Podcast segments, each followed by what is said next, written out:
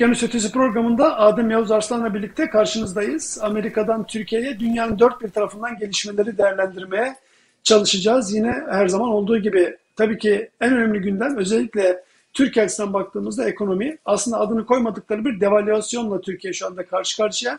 Erdoğan bir taraftan Türkiye devalüasyona doğru bilerek ve isteyerek olduğu artık belli olan bir şekilde sürüklüyor.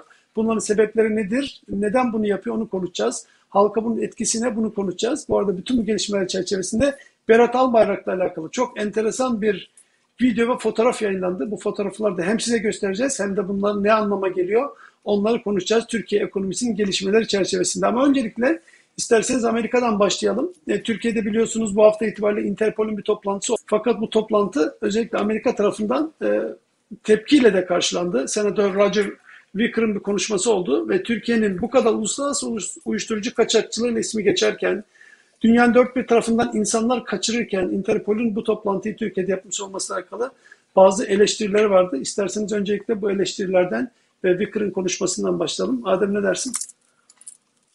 Ee, izleyicilerimizin daha iyi, konuyu daha iyi anlayabilmesi için şeyi anlatalım. Senatoda yapılan konuşmalar e, önemlidir. Çünkü senatörler e, Amerika sisteminde milletvekilleri gibi iki yılına değil altı yılına seçiliyor ve senatörler uzun yıllar siyasette olan etkili insanlar. E, Vicker de öyle. Yani aktif bir isim, aktif bir senatör, önemli e, çıkışlar yapan birisi ve Türkiye ile ilgili zaten F-16, F-35 ve diğer yaptırımlarla ilgili zaten Amerikan senatosunda oldukça negatif bir hava var. İşte F-16 talep ediyor Türkiye. Komite başkanı dedik hayır ona da karşıyız. F-16 bile alamayabileceğiz yani. Şu an durum o kadar vahim.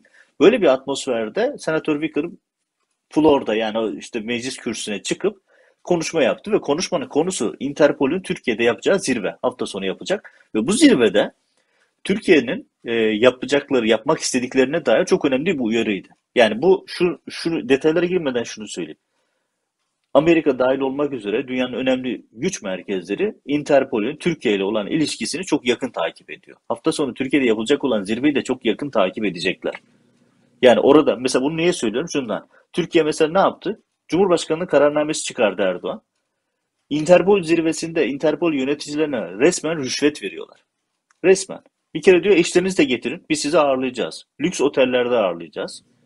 Size diplomatik dokunulmazlık ve e, özel vergi avantajı tanıyoruz. Türkiye'de istediğiniz gibi alışveriş yapın çünkü onlara hediyelere boğacaklar.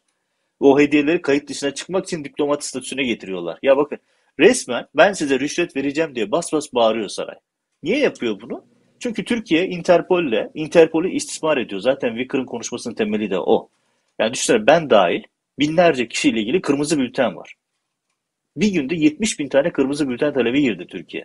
Tabii Interpol'ü istismar ediyor.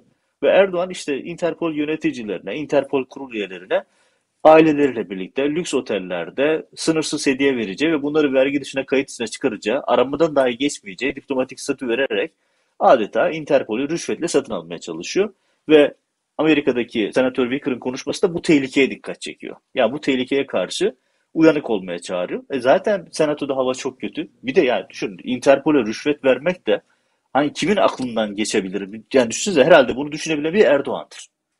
Yani düşünsenize, yani düşünsenize uluslararası yani muhatap, bir... muhatapları da muhatapları da o kadar yani Erdoğan'ın boyuna gelecek insanlar değil. Sonuçta uluslararası bütün dünyadaki her ülkede çalışan insanlar. Bunlar neler olup bittiğini anlayacaklardır. Ve özellikle bu Amerikan uyarısından sonra bir kez daha altını çizerek e, Erdoğan ve ekibinin, Süleyman Soylu'nun neler yapabileceğini bir kez onlar da görmüş olacaklardır mutlaka. Ya tek başına bu Interpol zirvesi ve Erdoğan'ın Interpol için özel kararname çıkartmasının çok önemli olduğunu, önemli bir özel bir anlamı olduğunu herhalde o emniyet ve yargı bürokrasisi sadece Türkiye değil dünyadaki de görmüştür. Düşünsenize yani siz eşlerinizle alın gelin. Ben size özel kararname çıkartıyorum. Hediyelere boğacağım sizi. Bunları kayıt dışına çıkartabileceksiniz. Bunlar aranmadan geçeceksiniz. Size diplomatik dokunulmazlık tanıyorum. Ya bir bürokrat der ki ya bunlar bana bunu niye veriyor? Yani ne yapmaya çalışıyorsunuz? Evet, evet. Zaten evet, evet. Ama... yani durum vahim ve dediğin gibi yani Senatör Wicker'ın e, Amerikan Senatosu'nda kürsüye çıkıp bu gelişmeye dikkat çekmesi şu mesajı veriyor Amerika. Yani Türkiye'de yapılan zirveyi çok yakın takip ediyoruz. Türkiye'nin atacağı adımları çok yakın izliyoruz. Interpol'ün alacağı tutumu da izliyoruz demek meali bu. Bakalım Interpol nasıl bir tutum alacak. Ama tabii Sedat Peker'in de söylediği gibi ya düşünsenize Türkiye o kadar enteresan bir hale geldi ki Sedat Peker'den e, bakıp Türkiye hukuk konuşuyoruz. Yani vehamete bak. Ya Sedat Peker diyor ki ya Süleyman Soylu Interpol zirvesinde açılış konuşması yapacak. Ya uyuşturucu ticaretinden, her türlü illegaliteden bahsettiğimiz bir yapı ve bu yapının başında Süleyman Soylu var ve o yapının başındaki isim Interpol'de bunu engellemek üzere olan uluslararası kurumun e, yöneticilerine açılış konuşması yapacak. Yani kara mizah bir Türkiye şu anda. Bu, bu arada Sedat Peker video yayınlamıyor ama yaz, attığı tweetlerde de çok böyle sarsıcı şeyler yapmaya söylemeye devam ediyor. Sedat Peker'in bir tane tweet var. Onu şimdi konuşmayalım. Fakat bunu bir kenara koyalım. Ee, önümüzdeki haftanın gündemlerinden konularından bir tanesi de o zamana kadar Sedat Peker başka bir şey yazarsa yazmazsa bilmiyorum da bunu mutlaka bir şekilde yapalım. Çünkü öyle yeni akçiler vesaireler Sedat Peker'in aleyhinde bir şey yazmaya kalkınca hemen az, elinde altından bazı, bazı dosyaların kapağını açıyor Sedat Peker. Bu konular konuşulması gereken konular. E, onları da konuşuruz önümüzdeki hafta. Bir, bir gelişme daha oldu. E, tweetlerde de e, sen de paylaştın zaten gördün. E, böyle İstanbul'dan özellikle e, Türkiye'den havuz medyası bir haber üretti. Dedi ki işte şu anda Pensilvanya'da yaşayan e, Fethullah Gülen zehirlendi, yakınındaki birisi de intihar etti diye böyle bir haber yaptılar. Sonra o da TV'de mi ilk çıktı? Ben orada ilk gördüm, bilmiyorum. Evet. Ama ondan sonra işte Cumhuriyet ve diğer e, bütün havuz medyası aynı haberi kopyalayıp birbirinden alarak bir elden çıktı, bir e, operasyon haberi olduğu belli olan, herkese gazetecilik taslayan kişilerin de paylaştığı bir haber, yalan bir haberi yaydılar yaydılar. Sonra yalan olduğu bütün detaylarla ortaya çıktı e, yan, yanılmışız dememişlerdir herhalde ben görmedim. E, o detayları böyle Hayır, bir dahasını e, dediler. Da, dahasını dediler. Az önce Oda TV'ye bakmıştım. Oda TV'de bir haber var. Oda TV'nin haberi Rus medyasında geniş ilgi gördü diye haber yapmışlar. Kendilerine haber yapmışlar. Ee, Rus medyasında da konu işlendi şeklinde. Ya şimdi en başta alalım. Hani gazetecilik 5N 1K var ya kim nerede ne ne zaman nasıl gibi temel soruların olduğu gazeteciliğin ilkelerinin olduğu bir şey. Hani stajyer muhabir bile getirse öyle bir haberi. Ortada haber yok bir kere. Önce onun altını tekrar çizelim. Haber yok çünkü. Yani diyor ki bir mollası intihar etti. Ya orada orası aynı zamanda bir okul. Sen de biliyorsun orada ders alan bir sürü talebe var. Bunlar insanlar orada değişik dersler alıyorlar ve bunlar oldukça da fazla. Yani hani kim, ne, ne zaman, nerede, ne zaman. Yani hiçbirinin cevabı yok. Şöyle oldu, böyle oldu atıyorlar. Yani bir haber değil bu. Bir istihbarat operasyonu yapıyorlar. Bir propaganda e, çalışması yapıyorlar. Ve o kadar pervasızca yapıyor ki diyor ki işte bak diyor kalbinden bildiriyoruz şöyle oldu böyle oldu. Ya şimdi bu arkadaşların gazeteci olmadığını hep iddia ediyorum. Yani Oda TV'ciler gazeteci falan değil. Oda TV bir operasyon merkezidir. Başından beri böyledir. Yöneticisinden çalışanlar hepsi aynı amaçla bir araya gelmiş insanlardır. Ve bu insanlar maalesef millete gazetecilik falan taslıyorlar. Başka bir şeyleri yok. Şimdi bu noktada geçen gün Ekrem Dumanlı ile Levent Kenez'in programında da konu gündeme gelmiş. Ben de buradan bu vesileyle hatırlatayım. Hı hı. Benim Ankara temsilcisi olduğum dönemde Oda TV Hakan Fidan'la e, sohbet ederken bir gün makamında sohbet ederken e, Oda TV ile ilgili bir dosya açtı Hakan Fidan. Soner Yalçın'ın uluslararası bağlantılarını tespit ettiklerini, bunu da e, uluslararası bağlantılar kısmı da İsrail, onu da direkt söyleyeyim e, tespit ettiklerini, bunu da hürriyet yönetimine bildirdiklerini anlattı. Bu off the record'tu. Yani off the record olarak anlatıyordu. Hani bu görüşme zaten off the record bir görüşmeydi. Ve dolayısıyla ben bunu bu şekilde yazamadım. Ama yaşanan gelişmeler sonrasında şunu gördük. İşte daha sonra Oda TV operasyonu başladı. Oda TV ile ilgili dosyayı, ya bizzat Hakan Fidan'ın önünde Oda TV dosyası vardı. Dosyayı hazırlayan MIT'ti. Sonra bunu MIT'in Türkiye içerisinde operasyon başlatma etkisi olmadığı için bunu emniyete devrettiler. Arkasından emniyet Oda TV operasyonunu başlattı vesaire. Yani bu sarayın talimatıyla yapılmış bir operasyon. Ve orada Soner Yalçın'la ilgili bu bilgileri aldıklarını, bunu da hürriyet yönetimine ilettiklerini, hatta hürriyete baskı yaptıklarını kendisi söylemişti. Ha, bunu Ekrem Duman'la anlattı. Ben de teyit ediyorum. Aynı şeyi bana da anlattı. Ekrem Duman ile aynı yerde değildik ama aynı e, diyalogları, aynı cümleleri bizzat ben de dinledim. Eminim başka gazeteciler de dinledi bunu Hakan Fidan'dan.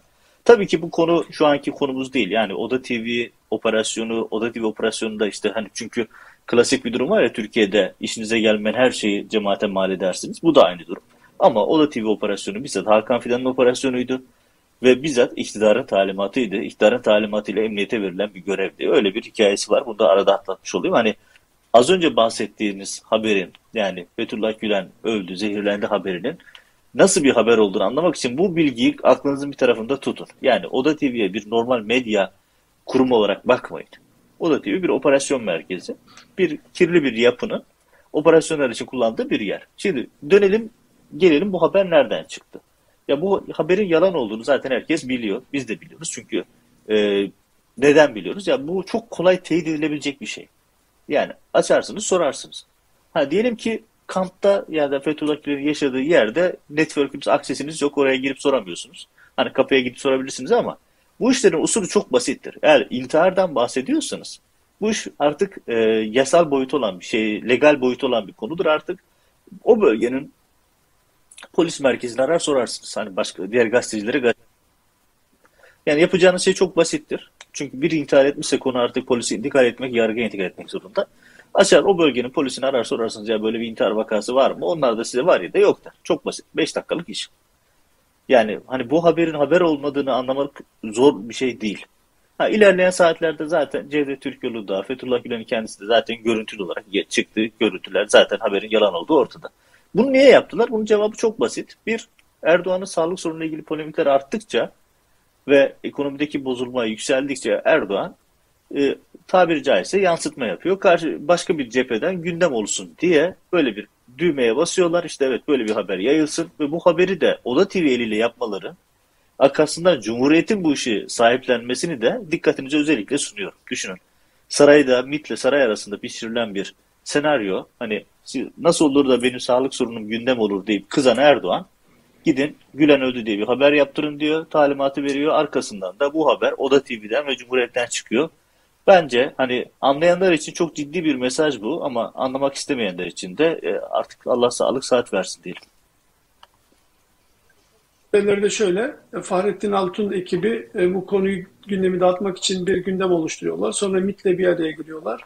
Ne yapacaklarına karar veriyorlar. Bu bir yalan haber üretiyorlar. Sonra bunu nereden yapacaklarını karar veriyorlar. Ondan sonra zaten Fahrettin Altun istediği o bir hap gibi merkez olduğu için isterse Hürriyet'te, isterse Yeni Şafak'ta, isterse Akit'te, isterse Oda TV'de çıkartabilecek bir yapısı var. Duruma göre bakıyor. Ben sabahta ATV'de çıkarsam onlar bunun gibi milyon tane yaptılar. Zaten kimsenin bir şey taktığı inandığı da yok dediler. Oda TV de aynı şekilde ama Oda TV biraz daha bu konularla ilgili olduğu için belki onlar böyle haberci gibi gözükebilir diye Oda TV üzerinden operasyon yapmışlardır gibi bir senaryo kuruyorum ben kendi kendime. Yok ben bilgiye dayanarak söylüyorum. Yani sadece senaryo değil, yani geçmiş tecrübelerimizden de hareketle söylüyorum. Bilgiye dayanarak söylüyorum. Yani saraydan verilen bir talimat bu. Nasıl olur da benim sağlığımla ilgili tartışmalar olur. Çünkü bir de şöyle bir realite var ya, işte bugün sosyal medyada dolaşan bir şey var. Ee, genç bir tane kadın e, şeyden şikayet ediyor telefon fiyatlarından. Oradan başka bir kadın, yaşlı bir teyze sen FETÖ'cüsün diye kadına tepki gösteriyor. Yani Türkiye'de e, bu Erdoğan'ın ektiği e, bir şey bu, zehirli bir e, fidan her yeri sardı. Düşünün, e, Erdoğan'ın sağlığıyla ilgili tartışmaları başlatan, büyüten isim Fahrettin. Çünkü İletişim Başkanlığı'nın yayınladığı görüntülerden yayıldı bu. Erdoğan oradan da Pensilvanya'yı sorumlu tutuyor. Bunları bunlar üretiyorlar, bunlar bunlar çıkartıyorlar. E o zaman Fahrettin ne yapacağız? Ya da canlı yayında yürüyemeyen, konuşamayan sensin. Bunu da TRT'de yayınladınız, Anadolu evet. Ajansı'nda yayınladınız. Yani başkası değil ki bunu yapan.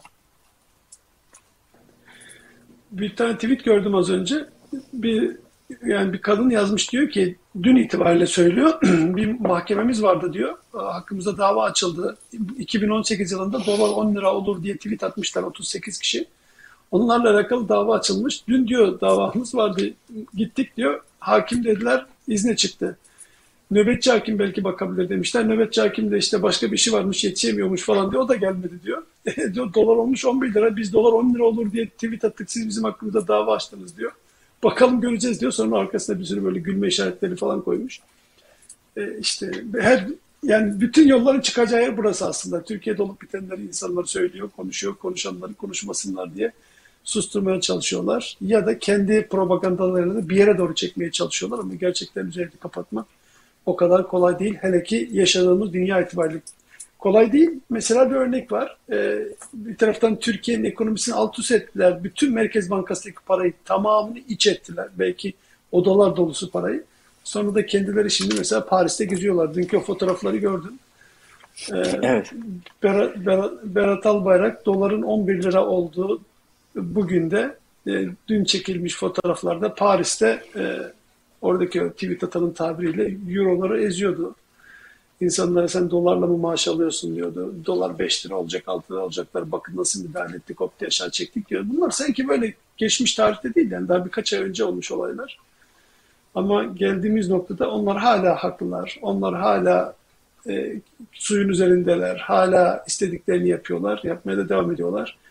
E, ki başta kendi seçmenleri olmak üzere de bütün Türkiye kamuoyu seyrediyor.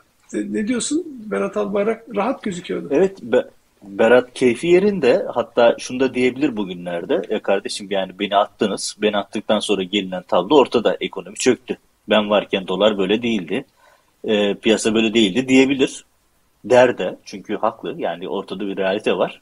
Kendi bıraktığı enkazın üzerine bir enkaz daha geldi. Tamam kendisi de enkaz bırakmıştı ama enkaz daha da büyüdü. Tabii şu an Paris'te keyif çatıyor. Gayet yerinde. Daha önce Boston'da Ama sen hep, sen hep derdin. Sen hep derdin. Bugün bir kez daha hatırlatalım. Sen hep derdin.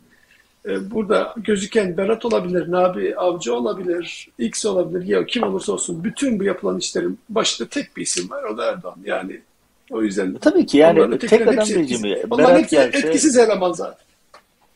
Tabii ki yani Bilal'i koysan aynı tablo olacak. Berat gitse Beral, Bilal'i koysan aynı şey olacak. Burak'ı koysan ki Burak'ı hiç gören yok. Nedense bilmiyorum. Yani Erdoğan'ın Burak diye bir oğlu var ama hiç gören yok.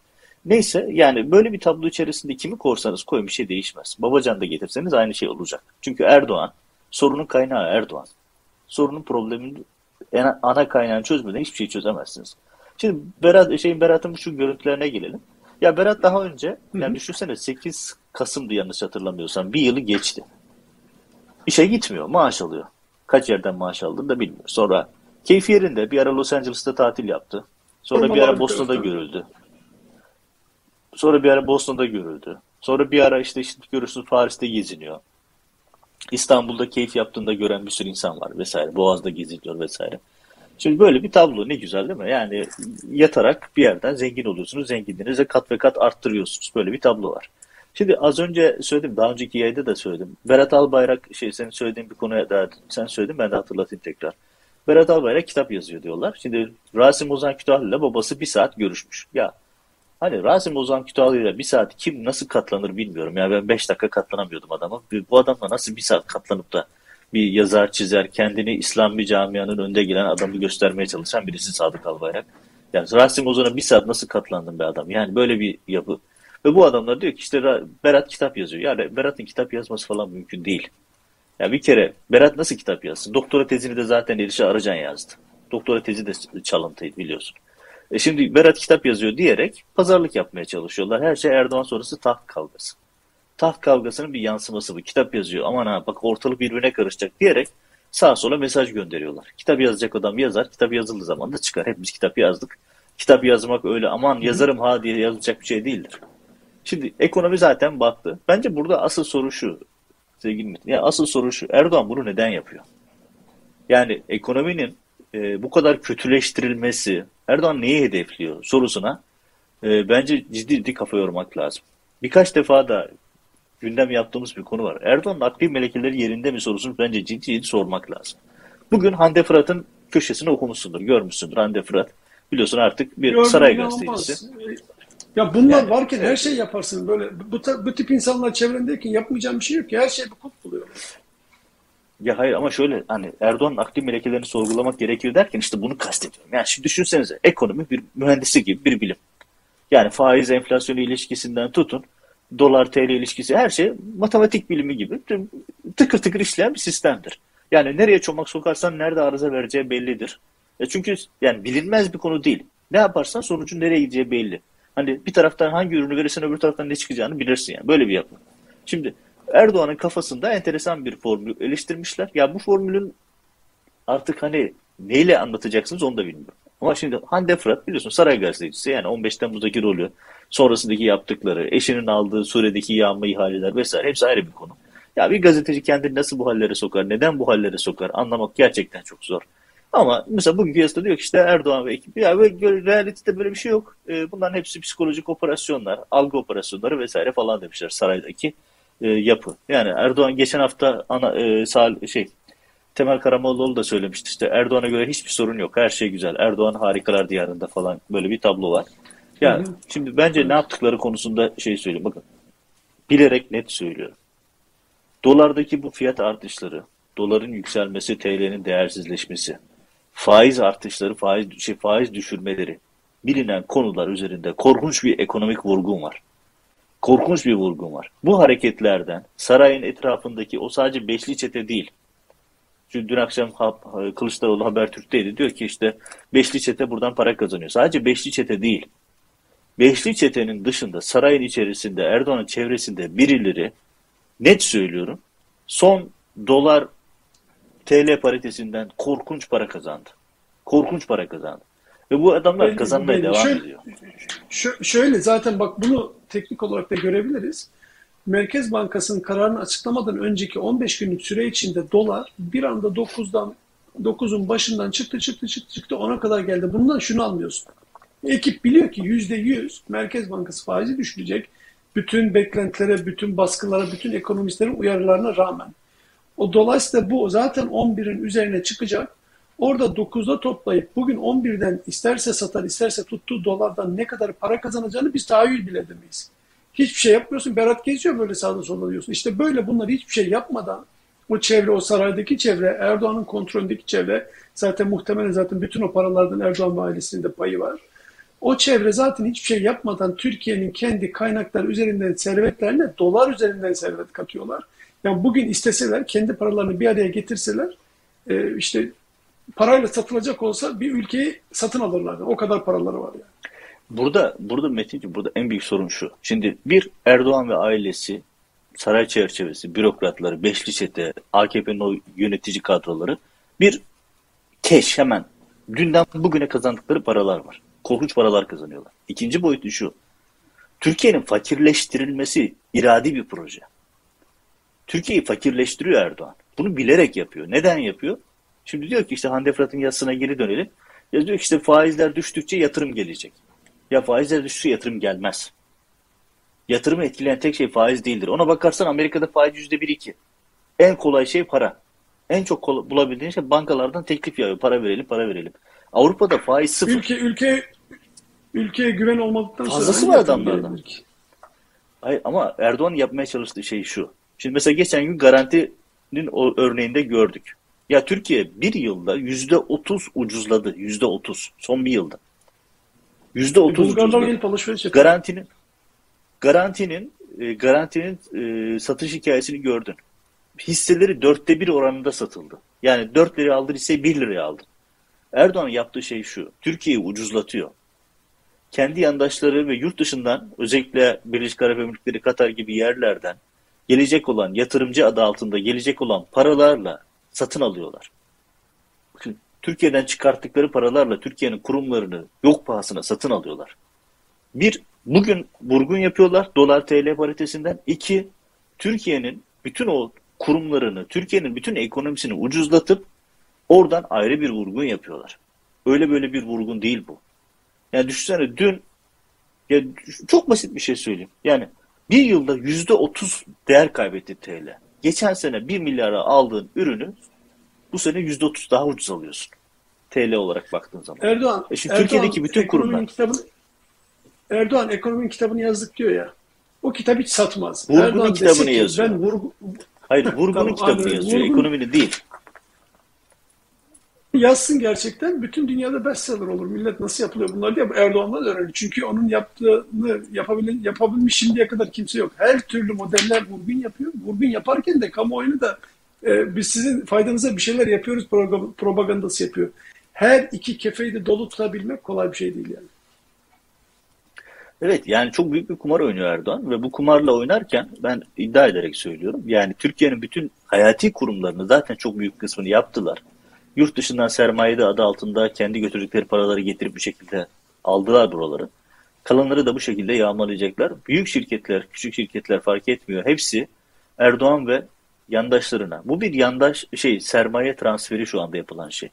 Hani 15 Temmuz bahanesiyle binlerce şirkete el koydular, çöktüler. Şimdi bunu da öbür türlü yapıyorlar. Aynı şeyi çünkü bu dolar TL piyasasındaki dönüşüm ekonomide taşınabilir bir şey değil. %30 zayıflamak ne demek bir yılda? Şimdi şirketler eriyor. İnsanların e, 50 yılda kazandıkları belki 100 yılda kazandıkları birikimleri bir yılda eridi. Ve Erdoğan bunu irade olarak yapıyor. Ve bunun sonunda gelecek olan tabloyu özetleyerek söyleyeyim. Hani yarın bir gün bu dönüp bakarız bu yayınlara. Erdoğan dolar TL paritesi faiz meselesinden bir hemen yakın vadeli büyük bir vurgun yapıyor. Sadece kendisi değil saraydaki ekibi de yapıyor bunu. Yoğun bir şekilde yapıyorlar. Beşli çete yapıyor. Yine hani o azgın bir azınlık var. Bunlar uçanı kaçanı havada karada her şekilde çarpıyorlar. Böyle bir tablo var. İkincisi şu bilerek isteyerek Türkiye'yi ucuzlatıyorlar. Böylelikle o Türkiye'nin birçok kurumu yok pahasına Erdoğan'ın etrafındaki insanlara ve Erdoğan aracılığıyla yurt dışından gelen insanlara satılıyor, peşkeş çekiliyor. Burada bir şey daha var. Bakın izleyicilerimize somut bir örnek daha söyleyeyim. Ben bizzat yaşadım o süreci o yüzden biliyorum. Çünkü Koza İpek Holding en büyük e, çalıştığı alanlardan bir tanesi altın madenciliği biliyorsun. İpek, Made, İpek Medya Grubu. İpek Medya Grubu'nda ben de uzun süre yöneticilik yaptım. Ya mesela Türkiye'de bir altın e, ihalesi vardı. Şey, bir maden arama işi vardı. E, Koza İpek Holding dediler ki sen buna girme. Niye girmeyeyim? Yani Türkiye'deki herhangi bir ihaleye girebilirsiniz. Çünkü o ihaleyi Erdoğan Kanadalı bir firmaya vermeye söz vermiş. Ama Kanadalı firmaya yüzde yirmi ortaklık yap, şey yüzde elli ortaklık veriyor, yüzde yirmi e, işini e, Remzi Gür'e veriyor. Direkt daha ihale yapılmadan. Remzi Gür'ün işi ne? E, kağıt bürokratik işlemleri yapmak. Böyle bir şartname koymuşlar. Ya hiçbir yatırım yapmadan, hiçbir iş yapmadan yüzde yirmisini direkt olarak Remzi Gür üzerinden yine Erdoğan'a gidiyordu. Ya bu şu demek, yarın bir gün yok bahasına satılan tüm şirketler, yok bahasına giden tüm şirketlerden Erdoğan yine komisyon alacak. Dolardan bugün komisyon alıyorsun, başka şeylerden alıyorsun, sonra dönüyorsun, yok bahasına sattığın şirketlerden Çok... de komisyon alıyorsun. diye çıkıyor meydanlarda bağıra çağıra konuşuyor. Bugün işte gördüm rakamları. Bir tek araç için 40 dolar e, şeyi var, e, taahhütü var. E, 45 dolar e, bir e, araç için taahhütü var. E, araçlar bu sefer insanlar kullanamıyorlar çünkü normal şartlarda 200 lira civarında galiba Osman Gazi Köprüsü'nden geçmek. O taahhüdü de dolar üzerinden yapmış. Şimdi bu dolarla çarpınca 45 dolar bugünkü değerle çarparsan 11'den 495 TL yapar bir araç için. Ve bunu insandan insanlardan alıyor 200 TL tamam o senin cebinden çıkıyormuş gibi gözüküyor ama onu tamamlaması lazım. Tamamını nereden tamamlayacak? Yine devletin insanların vergilerinden topladığı paralarla tamamlıyor. Böylece oradan da parayı alıyor, buradan da parayı alıyor. Köprü yaptım deyip propaganda yapıyor. Bütün bu organizasyonu kurmuş dedik ya işte Vurgun'un kitabını yazsa gerçekten böyle hepimizin hayretler içinde kalacağı formüller, modeller bulmuş. Nasıl böyle bir kafalar tamamen buna çalışıyor. Şimdi bir de bunu tamamlayıcı, senin şimdi bahsettiğin bir Hande Fırat örneği var. Hande Fırat'ta gazeteciler kısmını kullanıyor. Hande Fırat faizler falan saçma sapan bir şey yapıyor. Öbür taraftan TÜSİAD'ın sesini kısmış. Eskiden her şeye esip gürleyen TÜSİAD böyle nefesi içine kaçarak bir şeyler söylemeye çalışıyor, söyleyemiyor. İşte arkadaşlar onu şey, köprü meselesini paylaştılar. Öbür taraftan da fetva kısmını da ayarlıyor. Kendi hedef kitlesini seçmenini biliyor. Diyaneti de başka bir propaganda. Ekonomimizi çökertmeye çalışanlara karşı hep birlikte olacağız, diri diri duracağız falan diye Diyanet üzerinden de başka bir propaganda yapıp tamamen böyle herkesi bir yerden kapatıyor. Sonra ne oluyor? O zaman sokak röportajında iki kişi bir araya geldiğinde adam diyor oradan böyle böyle ya saçmalama diyor birisi bak rakamlar bunu söylüyor. Ee, Türkiye ne kadar fakirleşti, her şey ne kadar pahalılaştı. O zaman diyor Diyanet'in kafasında Diyanet olan o diğer kişi o zaman diyor sen yok FETÖ'cüsün, yok hainsin, yok vatanı satmışsın. Yani bu, bu formüller akıl almaz bir kurnazlık, vandallık ne dersen de yani milleti birbirine düşürüp kendisi aradan e, milyarlarca dolar götürme modeli olarak maalesef Türkiye ve dünya tarihine geçen bir dönem oldu bu. Evet yani Yağman'ın kitabını, Vurgun'un kitabını yazıyor. Yaneti falan bu işin içine katmış olması e, şey onun kendi kurduğu o vurgun formülünün en önemli noktalarından bir tanesi bence. Bak bugün gene Cuma muhtemelen e, ben tabii şu anda Türkiye'de tabii Cuma vakti geçti bizde daha sabah. E, muhtemelen gene bu mevzular konuşuldu. İşte ülkemizin ekonomisini batırmaya çalışanlar var, dış güçler var. Hep beraber direneceğiz vesaire diye böyle gene konuşmuşlardır herhalde. Evet yani gazla e, ayakta tuttuğu bir sistem. bugün e, program böyle kendimize göre biraz daha bir öncekilere göre kısa yapalım diye planladık. E, konuşmamız gereken birkaç tane daha konu vardı ama bence değinmeden geçmememiz gereken, kapatmadan önce konuşmamız gereken konu da Kemal Kılıçdaroğlu'nun çıkışı. Kemal Kılıçdaroğlu'nun çıkışını sadece evet. bir helalleşme çıkışı olarak değil de aynı zamanda böyle seçim hazırlığı, Meral Akşener'le bir araya çıkıp artık bir an önce erken seçim olması hazırlığı belki bence her şeye rağmen Kemal Kılıçdaroğlu'nu yok saymaya çalışsa bile Erdoğan o seçim çalışmalarının bir panik değil de hızlı hareketler ediyor gibi ben düşünüyorum. Sen Kılıçdaroğlu ve erken seçimle alakalı neler söylersin ondan sonra istersen toparlayalım. Ya Erdoğan'ın hedefi e, seçimi alabileceği garanti sistemi geçirebilmek. 50 artı 1 tartışmaları oradan getiriyor. CHP liderini yaptığı helalleşme daha büyük bir proje. Çok doğru bir proje. Yani helalleşmek, e, yüzleşmek, hesaplaşmak şart. Adalet tescil edilecekse, adalet tesis edilecekse bunlar hayata geçirmek gerekiyor. Yoksa Türkiye bir iktidardan başka bir iktidara geçer. Zulüm aynı şekilde devam eder. Yani sadece zulmü uğrayanın ismi değişmiş olur. O açıdan ben Kılıçdaroğlu'nun helalleşme e, konseptini çok değerli buluyorum. Çok önemli buluyorum. Ha şu eksik, bunlar da olmalı, şunlar niye unutuldu? Evet bunların hepsi haklı sorular ama e, yetmez ama evet diyorum. Yani sonuçta bunlar o yol açıldıktan sonra Türkiye'de hukuk işlemeye başladıktan sonra birçok sorun zaten otomatikman çözülecek. Hani ben mesela şunu çok net her defasında hatırlatıyorum, söylüyorum. Ben herhangi bir imtiyaz falan istemiyorum. Ya uluslararası hukuk ya da Türkiye'deki mevcut hukuk bir işlesin. Başka bir derdim yok benim. Çünkü o hukuk işlediği zaman zaten açılan davaların, mevcut yürülen soruşturmaların hepsi zaten düşüyor. Yani bugün görüşülmekte olan o davaların %98'i otomatikman düşecek zaten. %2'si üzerinde de adil bir yargılama yapın. O yapı yargılama zaten insanlar kendilerini rahatlıkla savunabilirler. Onların da düşeceğinden eminim. Ama o yargılama sonrası düşer. Ama hukuk geri gelse daha yargılama başlamadan düşecek bir %98 var. Yani banka üyeliği, gazete aboneliği, çocuğunu okula göndermek gibi deli saçma şeyler zaten otomatikman düşecek. Dolayısıyla Kılıçdaroğlu'nun yüzleşme, helalleşme süreci çok önemli, çok değerli. Erdoğan burada oyun kuramıyor. Oyun kuramadığı için de karşı hamle yapıyor. Hamlesini nasıl yapıyor? İşte Bahçeli ile anlaşarak çünkü Bahçeli çok hayati bir konu Erdoğan için. Karşılıklı bir çıkar söz konusu. Erdoğan Erdoğan olmasa Erdoğan, Bahçeli meclise bile giremeyecek. Durum bu kadar vahim onun arasından. %50 e, artı bir bir şekilde yapalım. Baskın bir seçime gidelim. Baskın bir seçimde de işte Vatan Millet Sakarya, Türkiye, terör vesaire konuları çünkü daha önce bunu yaptılar, test ettiler. Bu bilimsel bir gerçek. Eğer insanlar can güvenli riski taşıyorsa mevcut iktidarı destekliyorlar. Maalesef bu bir gerçek, te, bir teori. E, böyle bir ortamda daha fazla kanla, daha fazla şiddetle Erdoğan iktidarını muhafaza etme hesabını yapıyor.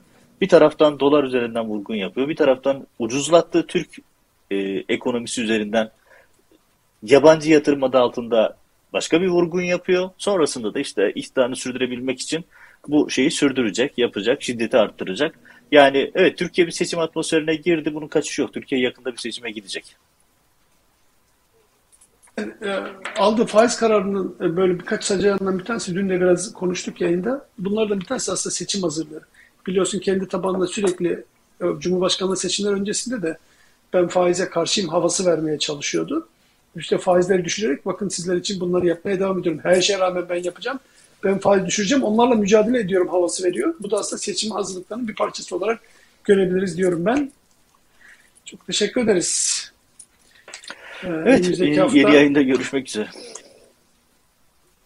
Haftaya görüşmek üzere. Teşekkürler. Hoşçakalın. Görüşmek üzere. Kolay gelsin.